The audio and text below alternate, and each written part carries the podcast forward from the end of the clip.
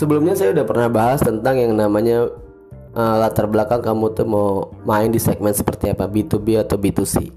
Terus podcast saya setelahnya itu saya bahas tentang yang namanya B2C ya. Rahasia bagaimana bisnis to customer bisa mendapatkan profit lebih banyak. Di sini, di episode ini saya akan bahas tentang yang namanya bisnis to bisnis. Bagaimana kontrak kamu sedikit, orderan kamu sedikit, tapi kamu tapi bisnis kamu tuh bisa berjalan dengan lebih baik. Quality is profitable, oke? Okay? Jadi bisnis to bisnis ini emang agak agak lebih spesifik ya, agak lebih repot ya daripada bisnis to customer ya. Karena bisnis to bisnis tuh persaingan harganya juga lebih banyak, terus juga ada yang namanya keluh kesah dari klien-klien juga, terus ada yang namanya tidak sesuai perspektifnya juga harus disamakan ya. Jadi yang harus kamu lakukan adalah kamu harus tahu dulu produk kamu tuh mau dijual ke segmen yang ke segmen yang seperti apa kamu coba buatkan dulu yang namanya karakteristik konsumennya. Setelah itu, setelah itu kamu coba mainin bukan di sosial media, tapi coba kamu buat dulu di websitenya. Jadi kalau bisnis tuh bisnis tuh lebih kayak harus ada pengakuan dulu ya di online tuh. Jadi kamu buat dulu websitenya, terus kamu buat sosial medianya untuk bisnis kamu agar lebih apa? Agar lebih adanya pengakuan bahwa bisnis kamu tuh ada gitu loh. Nah, setelah itu kamu baru kamu baru yang namanya cari-cari cari-cari customer tuh lewat sosial media bisa terus kamu bisa cari-cari lewat website yang sesuai target dengan bisnis kamu tuh apa yang perusahaan lain juga membutuhkan bisnis kamu tuh kamu bisa cari-cari di sana. Terus kalau misalnya nih kamu udah dapat nih uh, customer kamu nih uh, perusahaan kamu perusahaan orang lain klien kamu lah untuk uh, bisnis kamu ini nih. Terus dia order lah contohnya gitu.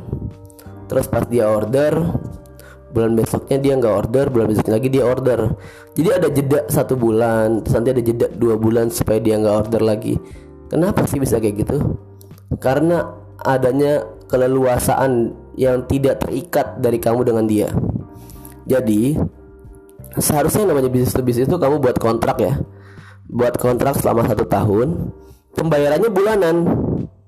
Tapi kontraknya satu tahun untuk apa? Untuk mengikat supaya dia setiap bulan terus order ke kamu.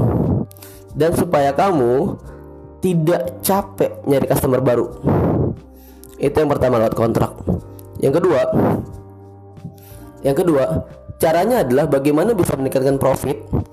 Kamu itu harus lebih rajin yang namanya posting posting di sosial media kamu dan upload di yang namanya website kamu kamu harus rajin dan iklan kamu tuh harus lebih banyak daripada B2C terus ngebangun branding kamu tuh tidak menjual yang namanya produk kamu tapi kamu menjual hasil atau karya setelah mereka pakai produk kamu tuh dia akan kayak gimana?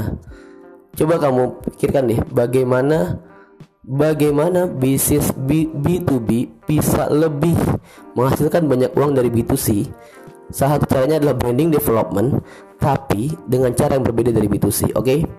jadi itu ada banyak cara bisnis bisnis tuh lebih dari ini. Nah ada juga pola branding development lainnya ada juga pola sales manajemennya pola bagaimana uh, klien kamu tidak lari ke, ke pesaing kamu dan ada banyak pola untuk mempertahankan B2B ini sebagai bisnis yang sangat meyakinkan bisnis yang sangat menguntungkan oke okay? tapi karena ini terbatas dan karena pola ini adalah rahasia kamu bisa ikutin pola ini di kelas saya yang akan saya adakan di bulan September besok oke okay? Sampai ketemu milioner di kelas saya dan selamat belajar cara mendapatkan uang lebih banyak dari bisnis B2B thank you